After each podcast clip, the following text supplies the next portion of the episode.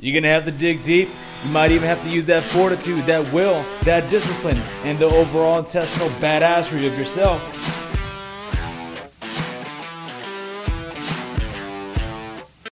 Screen level one. Cool. And then what we'll do is we'll just come over here. This is a short deck that I created for all of us. We can actually um, so obviously that's me. So some of the things that we're noticing here in the threat landscape is a lot of LinkedIn, and I'm going to show you guys, I'm going to show everyone a LinkedIn scam that I just got into last week, uh, where the lady actually became a um, became a subject to a fraud scheme. Uh, however, what did not do the fraudulent transaction, if you will. Um, you know, what I'm noticing on the LinkedIn side of the house is that they're targeting older people, who have C levels or who have ownership businesses, and specifically around women. I, am not sure why, but they call it the romanticizing and also the they're like, oh, great job, and they're building rapport. They engage in your comments and they say, oh, that's awesome, and they try to engage you into a romantic level. And about eight times out of ten, what's hap- yeah, what's happening is uh, they're they're actually getting a foothold, and they're like, hey, do you mind doing this for me? Do you mind doing this for me? And and I'll show you guys in a second. The other one I saw, was just one come up from Turkey uh, that says it was very interesting. It says Poliziaya, and it's you know please send me money because I've been arrested from Turkey. Uh, usually that stuff goes through the embassy, but this uh, this person called me and said, hey, I need some help. I need to send five thousand dollars. I need to do it now. And I was like, whoa, whoa, time out, right? So we're starting to see that as well.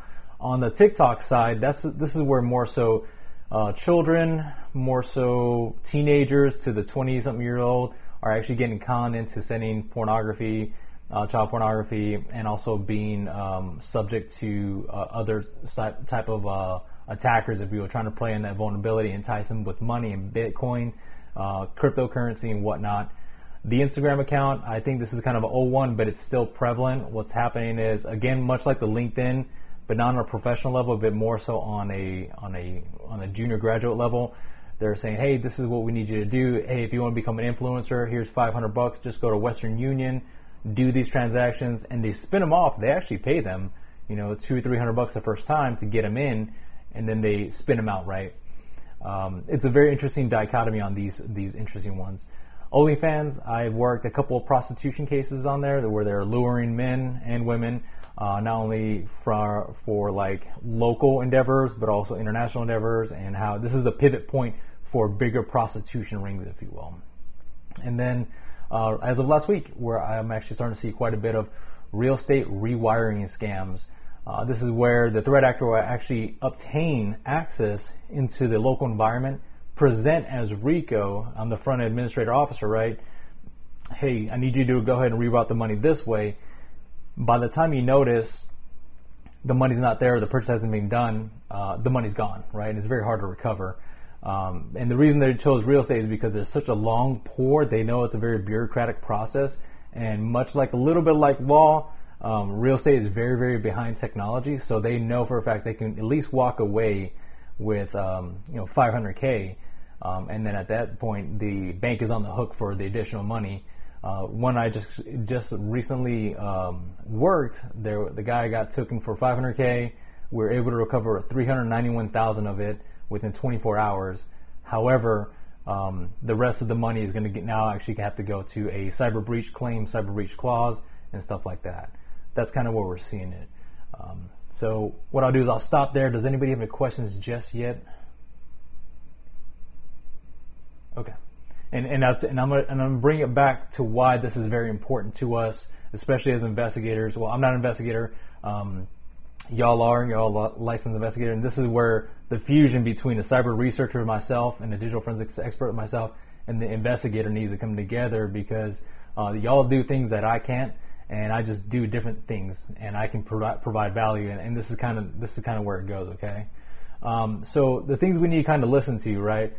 Whenever I just worked the one uh, about an hour ago is what happened on what platform. And the reason we want to ask what platform is because that's going to give us an indicator of a different threat actor. A threat actor one is going to be different versus somebody who's on TikTok than OnlyFans, right? TikTok is more so child exploitation versus OnlyFans is the human trafficking prostitution, right?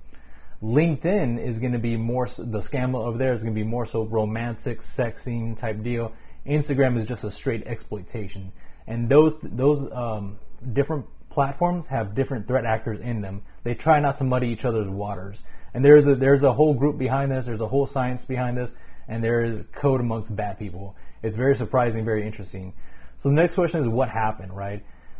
Depending on what happens is going to give us indicators of what threat actor it is. Is it, hey, I need you to pay for sex? You might be an organized crime type deal. TikTok, hey, I want to see pictures, but I don't want to pay you. So now becomes an extortion. So that might be a threat actor from India versus a threat actor from Russia, right? The other question we want to ask is, did you engage with a threat actor? And the reason we want to ask that, again, different threat actors go for different things. Usually, five times out of ten, they're building rapport. But they want you to do something for them or else, right? But they, the or else doesn't come until later. Or what's going to happen is they come right off the bat, and it's called jigsaw, or it's called um, you know getting ransomware of some sort. It could be um, diff- any facet of different uh, ransomwares. What happens is they'll take your picture, and they'll post your picture, and they'll crop it very very carefully on a naked person, and then dump all your history from your from your computer, from your text messages, and then get all your distribution lists and say, hey, if you don't pay me $5,000 within 15 minutes, uh, I'm going to text everybody in your email this picture. And you say no, then they say, okay, boom, right? Um, bigger organizations like the Maze Group has done that to Bank of Costa Rica. They thought they were joking around, and then Costa, Bank of Costa Rica actually got owned for $15 million within 72 hours. So that's kind of the premise behind it. A lot of these big organizations, these threat actors, spin off and do their own thing for money, right? Uh, and then also, we want to look at what type of device did it happen on. I understand everyone's going to say computer, but what specific type of computer? And the reason we ask for these things is because the devil's in the detail. If it's an iOS uh, specific device, such as Apple or iPad, that's a specific type of threat actor group, okay? Versus a Dell PC or Android, that might be a whole other group and depends how they approach it. So we're starting to create these profiles of different types of threat actors, all right? So now we're going to go into the threat actors themselves. So um, the threat actors themselves, it's very interesting now, right? They're either a group of people or a group of cyber attackers, or they work individually, but mostly it's either for one or two reasons: monetary value or ideology. Um, the ideology would be more so the the Sons of Arabs, the uh, the CCP, um, stuff like that and they just want to come over there and just ruin your house as much as they can. So it stops you from doing what you're doing, right? On the other side, it's a free market. This is a very lucrative game. This is a very lucrative business, and they just want money. Uh, the Colonial Pipeline got hit. That's a lot of money now that's going to be pumped in over there. SolarWinds got hit. Banner Health got hit. Uh, I think Dignity Health got hit, and all these other ones got hit, right? And now all the money's going that way. That's what they wanted in the first place. So now they can divert the attention over here. And this is kind of where we start di- divulging more and more to different threat actors. This is Fancy Bear, right? Fancy Bear is a Russian-based uh, organization. They're they're a criminal syndicate, and what happens is they've been since uh, since 2010. Their idea and target is solely government, and that means local government, local counties. Uh, imagine the Maricopa County Recorder's Office. Imagine, um, you know, the the the Arizona Corporation Commission, this is what they target because they know at the at the very fundamental level, they can't withstand their own fight. So you have a, a group like Fancy Bear um, who will come together, pull people from different regions, from Germany, from uh, Uzbekistan, Ukraine, um, and more specifically the Eastern Bloc. And the reason is because during the winter there's nothing else to do but hack, but learn these things and, and get in the fight. So that's Fancy Bears, right? As you can see, this threat profile sticks to government stuff because they, they know they, they have the money and they can extort them. So we go to Dynamite, Dynamite Panda, right?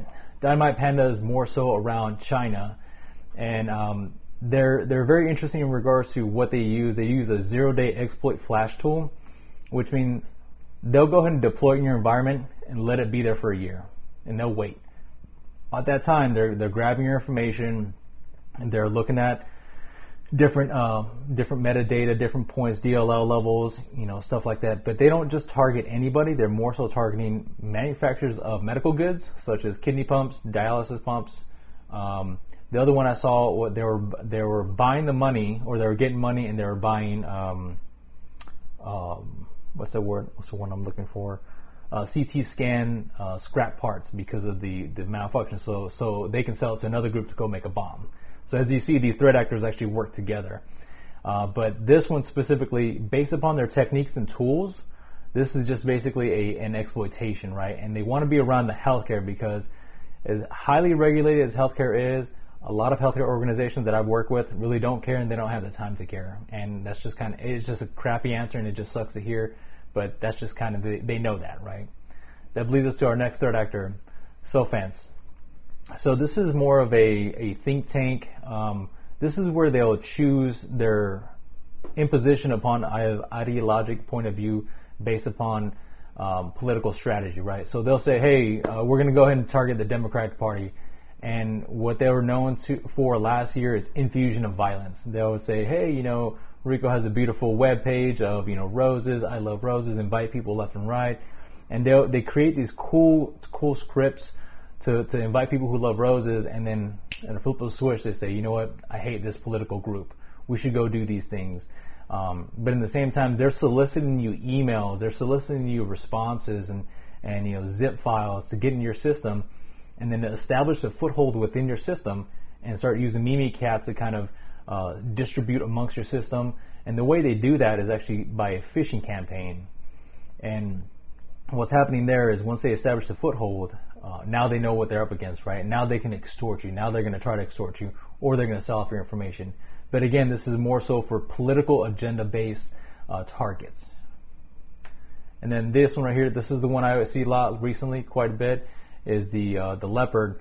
They're they started off in Pakistan, but they're in India. If you can go to India right now, especially in Mumbai or the other area, the northern region areas, there are the farms of areas where people will come in in the night and just start data mining and figuring out who the top influencer is or a semi-influencer is. And create a page, a subtle page over here, like a sleeper page of you know we have two Rico Danielsons, and then we'll start you know attracting more and more people. This is a long position, long pour, right?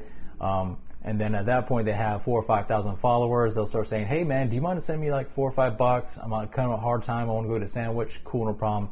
Do that a few times. Then they go for the jugular, right? And they say, "Hey, do you mind wiring me fifteen thousand dollars? And here's why." blah blah blah. So a lot of social media uh, impersonation.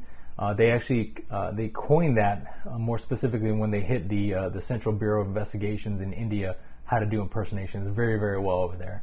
Um, these guys are not sleepers, but they are very very crafty with what they've seen, and I've seen these guys hit a lot of Instagram influencers and models, quote unquote, in Scottsdale uh, within the last three weeks. So what's happening now is these threat actors are now coming together. And this is the, the point of entry, right? We'll have Charming Kitty get the point of entry to a business. They'll, they'll phish them. They'll say, hey, we got we got entrance into Banner Health. We need uh, anybody want entrance to Banner Health? They're like, I'll take it for fifty thousand. Cool, no problem. Then they start doing the reconnaissance, right? The footprinting.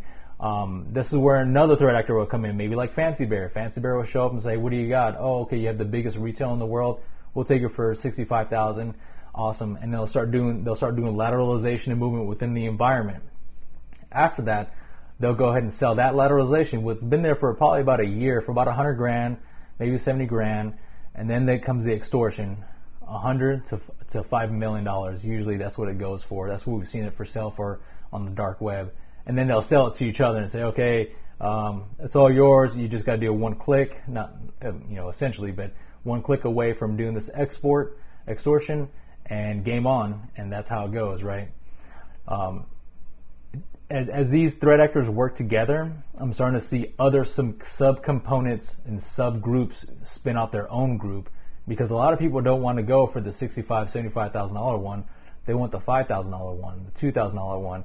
Imagine if you're a hacker and you're extorting five people at a time, right? And it pays out five thousand each that's it. You call it a day. Go go in hibernation. Go to Uzbekistan. Go to uh, go to uh, Yemen. Go to Dubai for a vacation. Call it a day, and then start from scratch all over. And that's that's kind of the mo.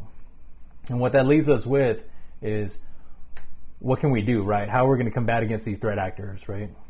One thing I'm I'm pushing very very diligently upon other people, other businesses, is to have an incident response plan, and that doesn't even have to be technical. Like when the crap hits the fan, what are you going to do? And I notice a lot of mental health facilities, behavioral health facilities, um, municipalities, and other local businesses don't have an incident response plan. Even if it's a one pager, in the event something happens, you need to do this, right? And what we can do is we can actually bundle this up for our customers and say, hey, customer, you might want to start thinking about this because next, next is the personnel, right? This is becoming more and more privatized. It's going to be getting very geared. People have nothing but time and money in their hand. The reach is not a factor anymore. People from India, I know I get phone calls from auto warranty every every day. I don't know why, but you know, people from India are there, and and the reach is there. So you're going to be hand to hand combative. So the question is, you have to be your own first responder, right? The other one is that what I'm what I'm telling a lot of clients is who's your PI, who's your attorney, and who's your cyber professional. This needs to be your team that you tell them to call. Who does it look like? I don't know. Let's figure it out. Let's do that. And at this point, I'm not trying to sell a customer. I'm not trying to do anything like that. I'm more so telling them what are we going to be doing for each other here and how we can help you out. Because the worst thing you can do is be in a cyber breach and do nothing about it because that's how you get owned and that's how you get on CNN News. Um, some of the things you can work with them is um, backups and validation, and also have an on on um, on demand incident response and forensics. One of the things I always I always hear is this is expensive. If you go to FireEye or CrowdStrike, Mandiant or something like that, to do an incident response, and it's $100,000 starting, and that gets you two weeks worth of work out of them to help you. There's a different way we can help your customers, our customers, to get them the protection that they need in the event this happens. So what I'll do is I'll stop there, and then this right here is a is a scam that I recently worked, and I wrote an article on. So this right here actually started off as a as a scam on LinkedIn. It was, "Hey, sweetheart, I love your I love your your stuff." It was a it was a bakery person. Uh, she was an amazing person, great, no problem. And then it said, "Hey, do you mind if I just get your email? We can communicate more formally that way." Great, no problem. And all of a sudden, this person, Paul, this actually happens to be a this pro, the profile and the persona actually happens to be a very high-profile celebrity in a foreign country. And what they did is they actually they stole this person's identity, kind of, sorta, and made this LinkedIn um, LinkedIn um, profile, but it had actually been there for a year and a half. So as you can see, since that year and a half, a lot of these threat actors have been around for a long time, and they've just been waiting and massaging, just kind of going, going, skilling their craft. You know, as you can see over here on the left-hand side, it's like, hey, I need you to go and send it to this routing information. Oh, I don't know, I don't know. Great, no problem. Can you send it to this over here on this address? Let's try that, right? The other one that I ran into was this one right here was um, a lady. Uh, she she, some, she met somebody online, said, "Hey, I love you. You're amazing, great, all that good stuff." And then, hey, you know, I, I think I got in jail from police of, of Turkey. Do you mind sending me five thousand dollars so I can get out of jail? They're holding my airline ticket, stuff like that. The problem with these things is whenever you run it through a PDF edge editor or an, an analysis, analysis, um, and also a metadata finder, uh, this is just all glued together, and plus the English is horrible. And on top of that, I've never seen the Turkish police, and I used to work with them in Anatolia, uh, reach out directly to people. Usually they send it to the embassy and say, hey, can you distribute it this way and whatnot. So, that being said, that's the kind of stuff we're seeing quite a bit in the workspace, and I think the best thing we can do is actually help help one another and help our customers or help each other figure out, devise up a game plan to help them out. So I'll stop there. You guys have any questions, comments, concerns yet? How do we how do we protect ourselves from this stuff? Like you know, be proactive. I mean, I know the response team, but that's reactive. What can yep. what can we do to be proactive? Yep, it's a great question. So proactive measure, right? Uh, so let's just say, let's just take a small doctor's office, right? We're going to need to know their environment. We're going to say, hey, you know, what does your environment look like? What does your footprint look like? What does your business look like? Um, would there be any any possibility anybody could spoof your identi- identity or anything like that? And you do you game plan around that, right? These are more proactive measures. Um, if let's just say you have a huge environment, you have multiple backups here, you're backing up every night, you have domains over here, and you're more of like a bank uh, that's going to be a different type of strategy. But as a person, here's what I would suggest, and here's the here's the fastest, shortest win. Is one, be mindful of all your passwords. Continue to change them. I, I change them on a monthly basis. I know it's a pain in the butt, but I, that's what I would do. Uh, number two, multi, uh, implement multi-factor authentication. And then number three, I would actually go ahead and buy a, an umbrella insurance. Um, for, and then also they're actually starting to put out cyber clauses in there uh, if you're a victim to hacking and whatnot because this is going to be a big business. Um, and furthermore, one thing I left out of here is the cyber negotiation. I got brought into um, a recent one where the the threat actor is on the phone with the person saying, "Look, I'm I, I want a million dollars," and they're like, "Rico, I've never negotiated a million dollars." I'm like, "Well, this is how you do it with this type of person." Um, so you have to have put those things in place. So it really depends on each person, but there is a way to do it. There is a way to get it going for these people, for for people.